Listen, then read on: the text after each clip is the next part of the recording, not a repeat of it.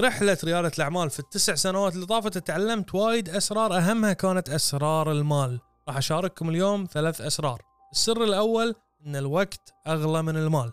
وايد أوقات كنت أغلط هالغلطة أني أروح مكان لأن عندهم تخفيضات وراح أوفر لي عشر دنانير إذا رحت لهم. لكن ما أحسب أن في هذا المكان بسبب الزحمة أنا راح أتأخر لي ساعة ساعتين بس عشان أوفر عشر دنانير. لما تيجي تحسب وقتك راح تلاقي أن في الساعة أو الساعتين أنت قاعد تطلع وايد أكثر من هذا المبلغ. فلا تستهين في ساعتك لا تستهين في وقتك.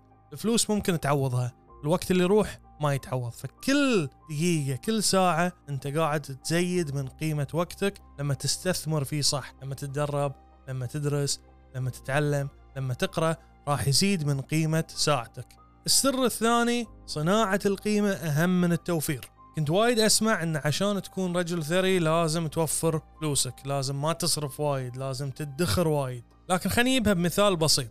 قبل سنتين ثلاث كان البيبسي قيمته 100 فلس اليوم البيبسي قيمته 250 فلس. هل لو وفرت فلوس في ذاك الوقت كنت راح أقدر أشتري بيبسي أكثر؟ أو هل لو كان عندي بدائل كان عندي business كان عندي تجارة ناجحة كان عندي عمل حر ناجح وزاد سعر البيبسي هل راح يأثر فيني؟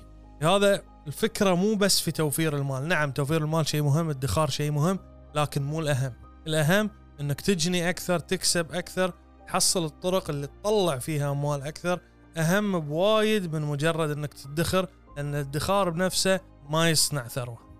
السر الثالث إن الاستدامة أهم من الثراء.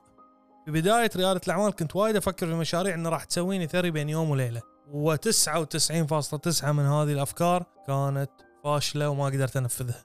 إلى أن تعلمت إن الاستدامة إني أنا أطلع مبلغ شهري ثابت وايد أهم من إني أفكر في الثراء. لما سمعت عن قصص وايد من التجار اللي خسروا كل ثروتهم في صفقة في أسهم في غيره فهمت أن الفكرة مو في الثراء السريع وأن شلون أحقق ثراء لأن معظم هذه الأشياء ما تتنفذ بسهولة ولو تنفذت فخسارتها وايد سريعة